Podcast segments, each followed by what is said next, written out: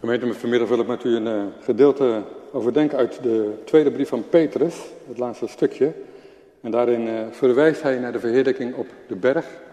En daarom beginnen we met de lezing uit Lucas 9, vers 28 tot met 36. En daarna gaan we naar de tweede brief van Petrus, hoofdstuk 1. Lucas 9, vanaf vers 28. Ongeveer acht dagen nadat hij dit had gezegd, ging hij met Petrus, Johannes en Jacobus de berg op om te bidden. Terwijl hij aan het bidden was, veranderde de aanblik van zijn gezicht en werd zijn kleding stralend wit. Opeens stonden er twee mannen met hem te praten. Het waren Mozes en Elia, die in hemelse luister verschenen waren. Ze spraken over zijn heengaan, de weg die hij in Jeruzalem zou voltooien. Petrus en de beide anderen waren in een diepe slaap gevallen. Toen ze ontwaakten, zagen ze de luister die Jezus omgaf en de twee mannen die bij hem stonden. Toen de mannen zich van hem wilden verwijderen, zei Petrus tegen Jezus: Meester, het is goed dat wij hier zijn. Laten we drie tenten maken: één voor u, één voor Mozes en één voor Elia. Maar hij wist niet wat hij zei. Terwijl hij nog aan het spreken was, kwam er een wolk aandrijven die hen overdekte. Toen de wolk hen omhulde, werden ze bang. Er klonk een stem uit de wolken die zei: Dit is mijn zoon, mijn uitverkorene. Luister naar hem. Toen de stem verstomd was, was Jezus weer alleen. Ze zwegen over het voorval en vertelden in die tijd aan niemand wat ze hadden gezien. En dan het 2 Petrus 1, vanaf vers 1. Van Simeon Petrus, dienaar en apostel van Jezus Christus. Aan allen die dankzij de rechtvaardigheid van onze God en Redder, Jezus Christus, hetzelfde kostbare geloof hebben ontvangen als wij. Genade zij u en vrede in overvloed, door de kennis van God en van Jezus, onze Heer. Zijn goddelijke macht heeft ons alles geschonken wat nodig is voor een vroom leven, door de kennis van Hem die ons geroepen heeft, door Zijn majesteit en wonderbaarlijke, wonderbaarlijke kracht. Hiermee zijn ons kostbare, rijke beloften gedaan, opdat u zou ontkomen aan het verderf dat de wereld beheerst als gevolg van de begeerte, en opdat u deel zou krijgen aan de goddelijke natuur. Span daarom al uw krachten in om uw geloof te verrijken met deugdzaamheid. Uw deugdzaamheid met kennis, uw kennis met zelfbeheersing, uw zelfbeheersing met volharding, uw volharding met vroomheid, uw vroomheid met liefde voor uw broeders en zusters. En uw liefde voor broeders en zusters met liefde voor allen. Als u deze eigenschappen in overvloed bezit, is uw kennis van onze Heer Jezus Christus niet nutteloos, maar vruchtbaar. Wie ze niet bezit, is kortzichtig, ja blind, en vergeet dat hij van zijn vroegere zonde gereinigd is. Span u daarom des te meer in, broeders en zusters, om uw roeping en uitverkiezing waar te maken. Als u dit alles doet, komt u nooit ten val en zal u onbelemmerd toegang worden verleend tot het eeuwige koninkrijk van onze Heer onze Heer en Redder Jezus Christus. Daarom zal ik u hieraan blijven herinneren, hoewel u dit alles wel weet en gegrondvest bent in de waarheid die u hebt leren kennen. Maar het lijkt me goed u wakker te houden door het telkens opnieuw onder uw aandacht te brengen, zolang ik in deze aardse tent verblijf. Ik weet dat mijn tent binnenkort zal worden afgebroken. Dat heeft onze Heer Jezus Christus mij te kennen gegeven.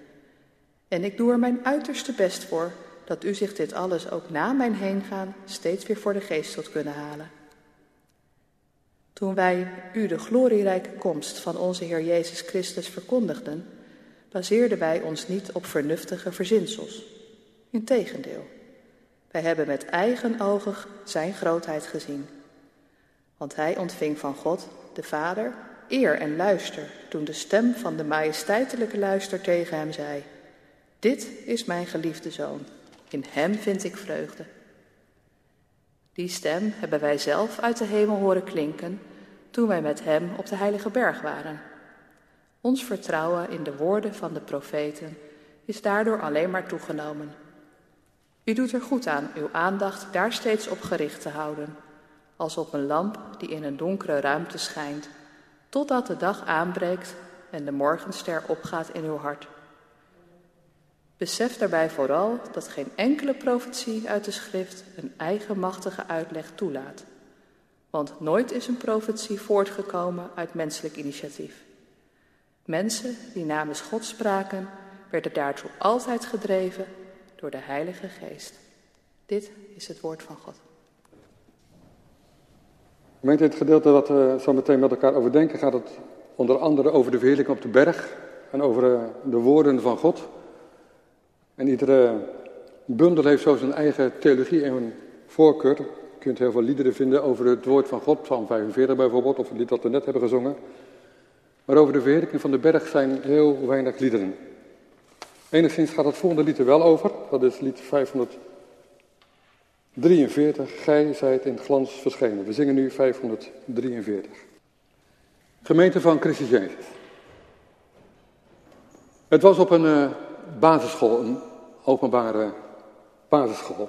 En daar werd christelijk godsdienstig vormingsonderwijs gegeven. De juf gaf op dat ogenblik een les over Pasen. En de les was goed voorbereid. Pakkende inleiding.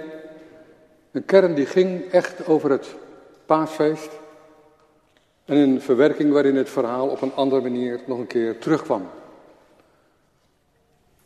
Voor haar zat een kleine groep leerlingen uit de groepen 7 en 8. Sommige kinderen hadden wel in de verte iets met het christelijk geloof, maar de meeste kinderen wisten van niets. Niet vertrouwd met de kerk, niet vertrouwd met de Bijbel. Ze wisten niets van God en kenden geen gelovigen. En de juffrouw had de taak om op dat ogenblik te vertellen over het paasfeest. Het grote feest voor ons, maar eigenlijk voor de hele mensheid. Om daar dood en zonde zijn overwonnen en God koning werd. Een feest met een eeuwig perspectief. En het leek al alsof die dag alles klopte. De sfeer in het lokaal. De manier waarop de kinderen naar het verhaal luisterden. De gesprekken tussen de kinderen onderling. Maar ook de gesprekken met de juffrouw. De reacties op de vragen. Het meedoen met de verwerking van het verhaal.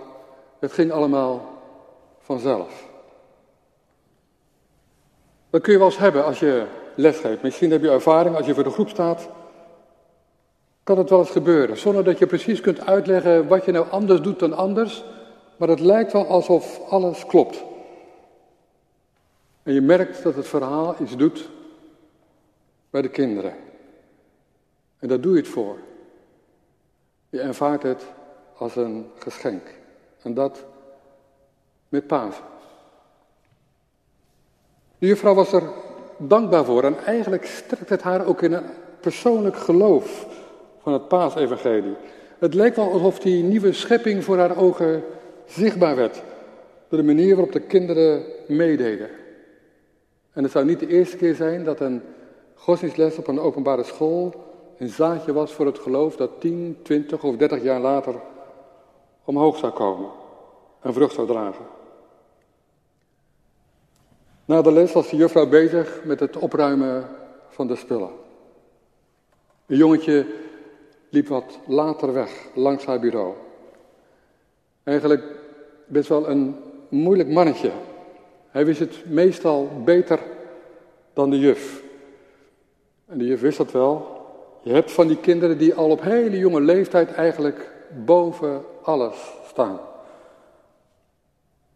Boven alles, boven hun ouders, boven de juf. En dus ook boven de verhalen uit de Bijbel. Ook boven God. En eigenlijk was het wel zo'n jongetje. En nog met haar hoofd bij het paasverhaal en met haar handen bezig aan het opruimen van de spullen, kwam de jongen langs en groette ze hem.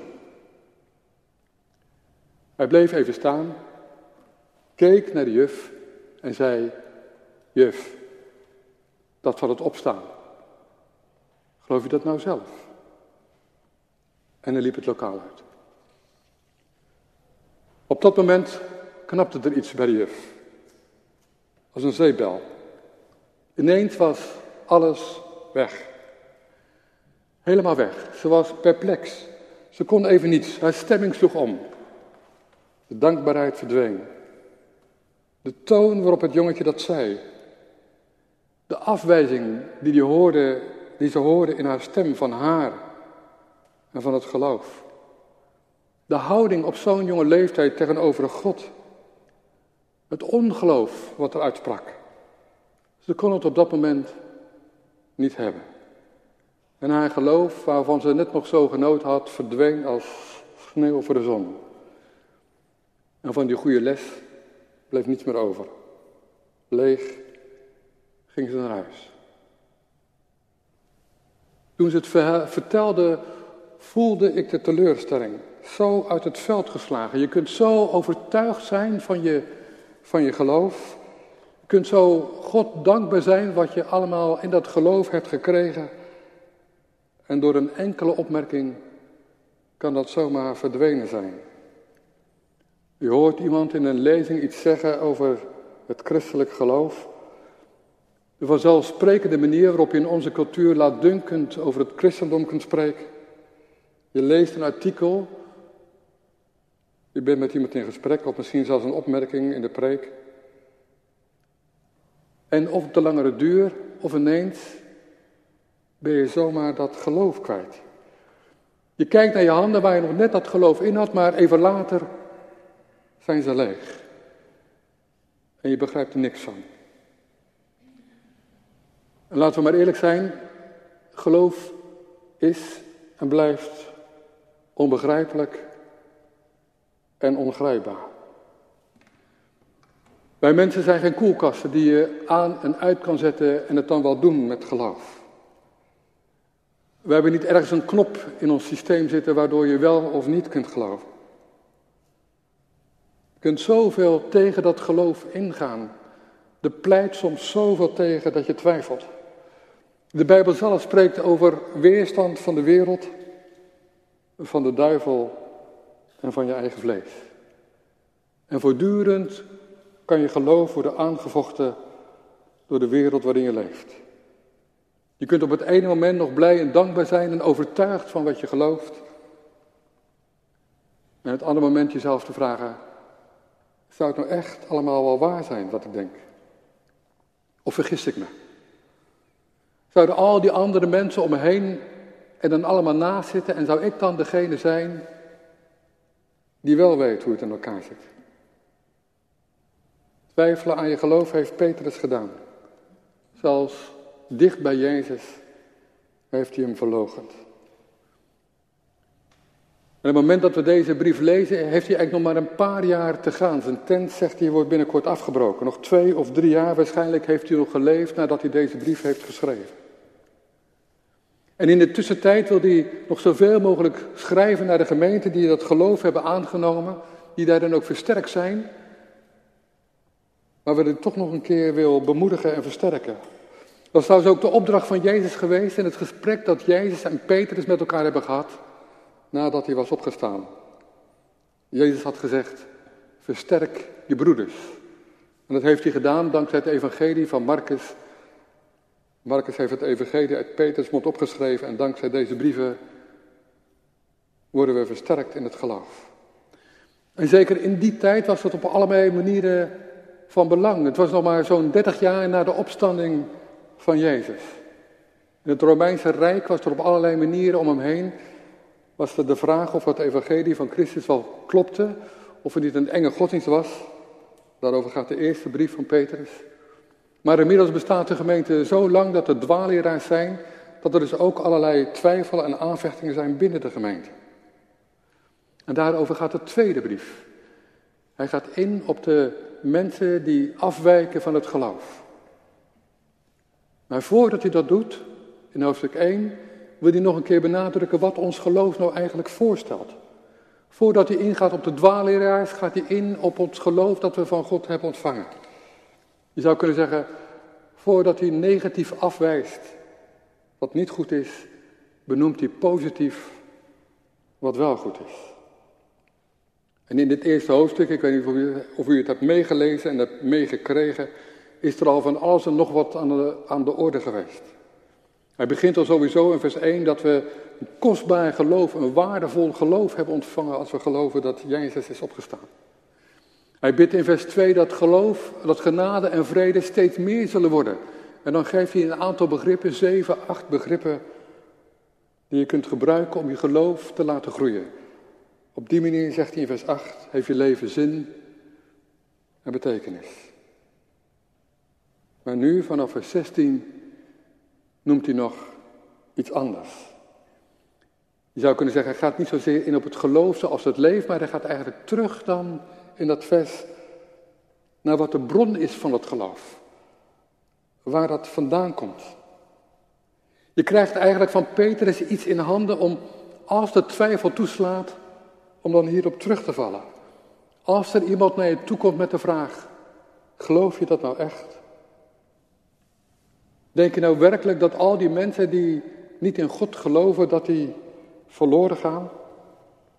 Weet je dan niet dat eigenlijk al die goddiensten over hetzelfde gaan, liefde tot de naaste? Bovendien, we hebben tegenwoordig de wetenschap. En dat heeft toch wel laten zien dat geloven in God achterhaald is. Ik het pas nog iemand zeggen, hoe kun je anno 2023 met een gezond verstand geloven in iets als een God? En het mooie is dat Petrus juist daarop ingaat. Geloven met een gezond verstand. Want zegt hij, ik ga even terug in de tijd, in de dingen die ik heb meegemaakt. En dat geloof dat wij hebben, dat is niet zomaar iets wat uit de lucht is komen vallen. Daar zit een heel stevig historisch verhaal achter. Lees maar wat hij schrijft in vers 16. Toen wij u de glorierijke komst van onze Heer Jezus Christus verkondigden, baseerden wij ons niet op vernuftige verzinsels, integendeel. We hebben het met eigen ogen zijn grootheid gezien. Dus Petrus zegt, wat je ook allemaal van mijn geloof vindt, wat je er allemaal over kunt zeggen, in ieder geval kan ik tegen je zeggen, het komt niet zomaar uit de lucht vallen. Het gaat terug op een geschiedenis. Ons geloof is gebaseerd op feiten. Ik heb het ook niet via via, ik was er zelf bij. Ik heb het met mijn eigen ogen gezien. Het is niet bedacht. Het is niet verzonnen. Het is zoals in die tijd veel was. Het is geen mythe. Het is niet iets wat bedacht is. Nee, het is geschiedenis.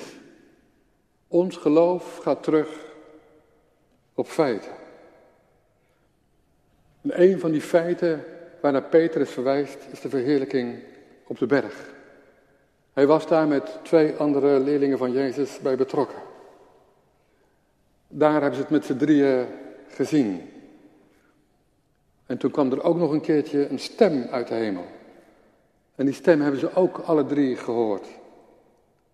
Een stem die zei dat Jezus de Zoon van God is. En dat we naar hem moeten luisteren. Leest u maar wat er staat in vers 18. Die stem hebben wij zelf uit de hemel horen klinken toen we met hem op de Heilige Berg waren. Met andere woorden, we zijn niet alleen maar ooggetuigen, maar ook oorgetuigen. We hebben het zelf gezien en gehoord. Ons geloof komt niet uit de lucht vallen, we weten waar we over praten. En voor Petrus gaat dat natuurlijk voor het hele evangelie in alles wat hij met Jezus heeft meegemaakt. Maar hij noemt nu alleen maar hier de verheerlijking op de berg. Geen verhaal. Het is ook niet zo in elkaar gezet dat daar later veel volgelingen op zouden komen. Dan zou je denk ik een ander verhaal moeten neerzetten. Het is niet bedacht met een zekere plot. Het is niet vernuftig bedacht, zegt hij. Het is geen opium. Het is ook geen psychologie, omdat je dat toch ergens als mens nodig hebt. Het is geen zoethoudertje. Ons geloof gaat terug op geschiedenis, op feiten, op bewijsbare feiten. Net zoals heel veel andere gebeurtenissen die wij ook voor waar aannemen, gaat ook dit verhaal terug op feiten. Het christelijk geloof is een historisch geloof. Laat je niets wijsmaken, het is echt gebeurd. En dat is wel goed om dat te weten in deze tijd waarin heel veel mensen dat geloven dat de wetenschap het laatste woord heeft. 76% van onze bevolking gelooft dat als iemand iets zegt vanuit de wetenschap op basis van onderzoek, dat het dan gewoon waar is. Als iemand met een witte jas op internet verschijnt, dan spreekt hij de waarheid. Het zit er niet in de wetenschap. Ook de moderne wetenschap, die is trouwens helemaal nog niet zo heel oud. De manier waarop dit ogenblik wij de werkelijkheid omschrijven is al maar een paar honderd jaar. In die wetenschap zit niet zoveel fout. Wetenschap laat ons iets zien van hoe groot de schepping is. Maar als je er eerlijk mee omgaat, zeg ik wel eens, en je gelooft dat Napoleon heeft bestaan, dan moet je ook geloven dat Jezus heeft bestaan. Als je de methode die onze wetenschap gebruikt om historische feiten vast te stellen, als je die eerlijk en oprecht wil gebruiken, dan kun je niet om Jezus heen. Zelfs niet om zijn opstanding.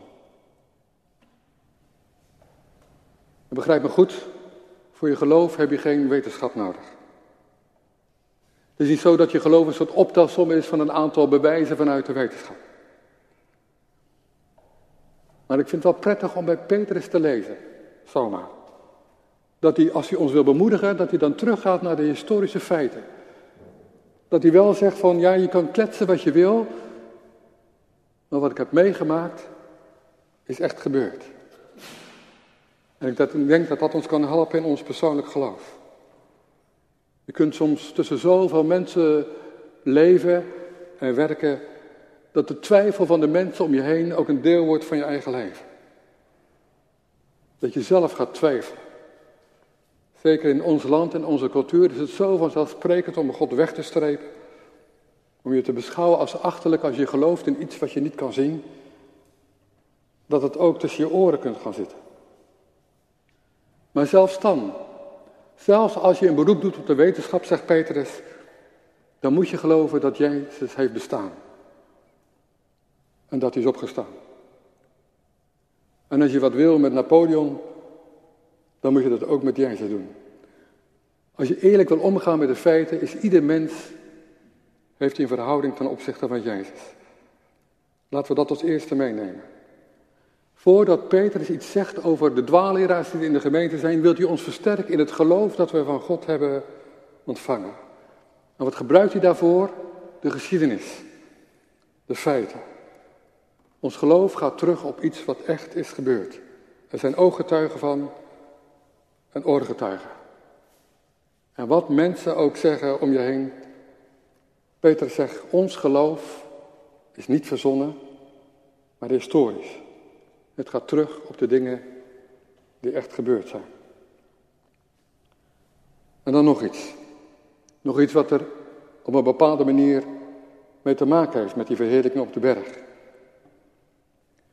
We zetten even een grote stap. Petrus zegt, de geschiedenis heeft een einde. Er komt een moment dat Jezus weer terugkomt naar deze wereld.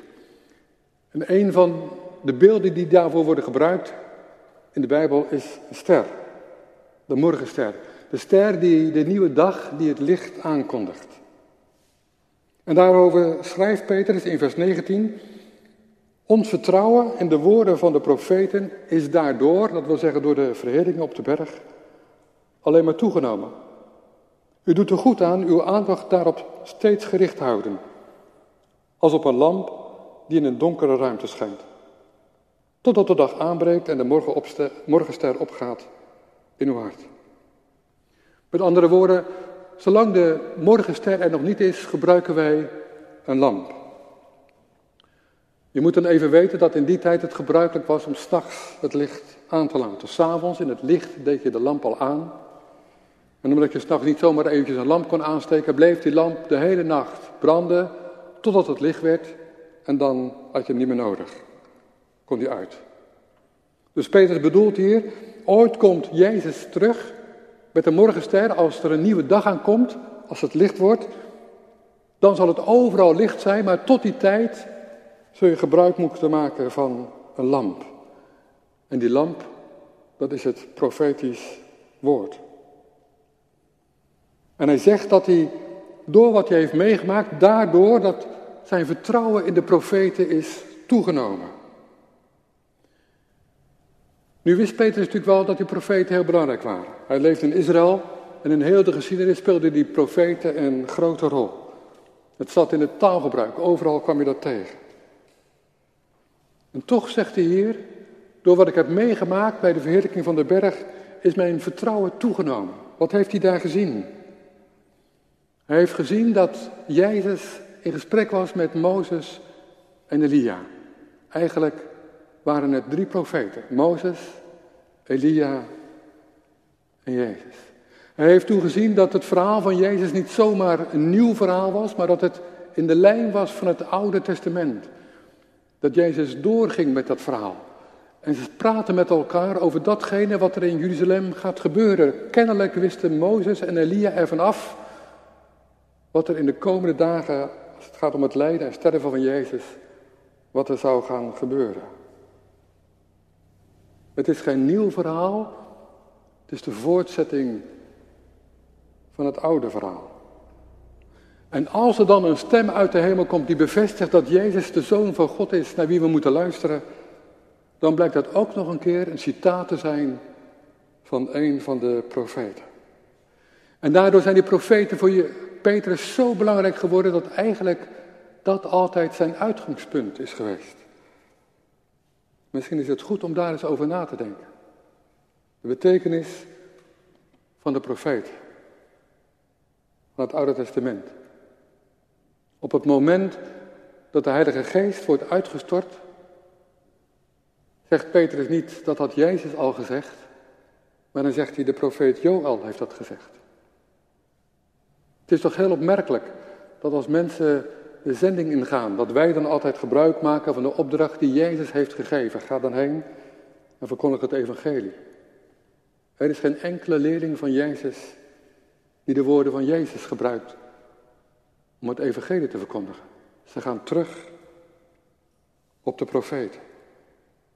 Dus aan het einde van zijn leven, als Petrus ons geloof wil versterken, doet hij dat op twee manieren. Eén zegt hij, ons geloof heeft een historisch karakter, het gaat terug op feiten. En ten tweede zegt hij, gebruik die profeten. In de tijd die je nu nog hebt, tussen vandaag en de wederkomst, zie je het belang van het Oude Testament. Je hebt een kostbaar geloof ontvangen. Het rijk waarin je christen bent, daarin ben je een vreemdeling, heeft hij in 1 Petrus gezegd. En er komen dwaaleraars in onze eigen gemeente voor. En hoe die tijd er precies zal uitzien en hoe precies Jezus zal terugkomen, daarover zegt hij helemaal niets. Maar hij zegt, zolang Jezus er nog niet is, en als je het wil volhouden in het Romeinse Rijk en in de gemeente, richt je aandacht dan op de profeten. Zolang de morgenster nog niet aankondigt dat er een nieuwe dag is, richt je aandacht op de woorden van God. Want die zijn geschreven door mensen, zegt hij, die door de Heilige Geest zijn gedreven. Wij zouden in onze tijd waarschijnlijk iets zeggen als, lees je Bijbel. Als je het willen volhouden in een wereld waar wordt getwijfeld aan je geloof, waarin zoveel mensen anders leven en denken dan dat je zelf doet, daarvoor heb je de Bijbel nodig. Daarmee kun je de tijd tussen nu en de wederkomst overbruggen. We leren het de jonge kinderen, lees je Bijbel. Bid elke dag. Tegelijkertijd weet ik en hoor ik ook in gesprekken dat het ingewikkeld is. Om structureel uit de Bijbel te lezen, daar komt soms niet van. Je bent moe. Je hebt de discipline niet. Je hebt er geen tijd voor. Je hebt er geen zin in. En je gaat alweer naar een volgende dag. En toch, zegt Petrus, je hebt die Bijbel nodig om de tijd te kunnen overbruggen. En je hoeft er ook eigenlijk helemaal geen tijd voor te hebben. Je hoeft er geen zin voor te hebben. Je moet het doen omdat God het van je vraagt. En het vraagt volhouden. Dat vraagt discipline. En tegelijkertijd weet je misschien wel dat als je het doet, dat je zelf de vruchten ervan plukt. Hij geeft je licht over de weg die je gaat. Over de dingen die je meemaakt. En daardoor hou je het vol. Totdat de morgenster aanbreekt. En Christus terugkomt. De kracht van de woorden van de Bijbel is enorm. We kunnen dat moeilijk overschatten. Ik heb een tijdje gewerkt voor de GZB, zendingsorganisatie binnen de PKN. Er waren zo ontzettend veel verhalen omheen waar mensen zonder enige inbreng van een ander, van een predikant, van een zendingswerker, van een evangelist, alleen maar door het woorden van God, soms een enkel woord, de kracht van die woorden hebben ervaren. Ik noem één voorbeeld. Waarschijnlijk ben je bekend met de Alpha-cursussen. En weet je dat die afkomstig zijn van Nicky Campbell. Zelf was hij atheïst. Hij was jurist en komt uit een familie van juristen. Pa ma waren jurist, zus en broer ook. Je mag van een jurist verwachten dat hij geïnteresseerd is in de waarheid. Hij had tijdens zijn studie een christelijke vriend. Dat was een beetje een probleem. Toen dacht hij, het lijkt me verstandig om die christelijke vriend van die bagage af te helpen. Laat ik het goed doen en het bij de bron aanpakken. Dus wat deed hij? Hij kocht een Bijbel, een Nieuwe Testament, om die te lezen. Dan wist hij wat zijn vriend geloofde. Hij deed er drie weken over. En na drie weken concludeerde hij, het is waar. De woorden van God, alleen al door het lezen van die woorden kan God je bereiken. De woorden van God op zichzelf zijn krachtig en overtuigend. Heel veel mensen wereldwijd zijn alleen maar door de woorden van God tot geloof gekomen. Het klopt inderdaad wat Petrus zegt. Ons vertrouwen in de woorden van de profeten is daardoor alleen maar toegenomen. U doet er goed aan uw aandacht daarop steeds gericht te houden. Als een lamp die in een donkere ruimte schijnt, totdat de dag aanbreekt en de morgenster opgaat in uw hart. Ik rond af en ik vat samen. 1 Petrus 2 Petrus 1, vers 16 tot 21. Wat mij betreft kunnen we op zijn minst twee dingen ervan meenemen. Petrus heeft de opdracht gekregen ons te versterken in ons christelijk geloof. En dan zegt hij eigenlijk tegen ons, laat je niet te veel, te snel uit het veld staan door de geluiden om je heen. Alsof je achterloopt, alsof je in onze tijd niet meer zou kunnen geloven. Weet dat ons geloof teruggaat op feiten. Het christelijk geloof is een historisch geloof. Ieder mens, of je gelooft of niet, moet iets met Jezus en zijn opstanding. En de tweede zegt hij, zolang Jezus nog niet terug is, doe je er goed aan om de Bijbel te lezen. Dat is een betrouwbaar boek. Het is geschreven door mensen die gedreven zijn door de Heilige Geest. Lees het, alleen en met elkaar. Onderzoek het, totdat de dag aanbreekt en de morgenster opgaat in je hart. Amen.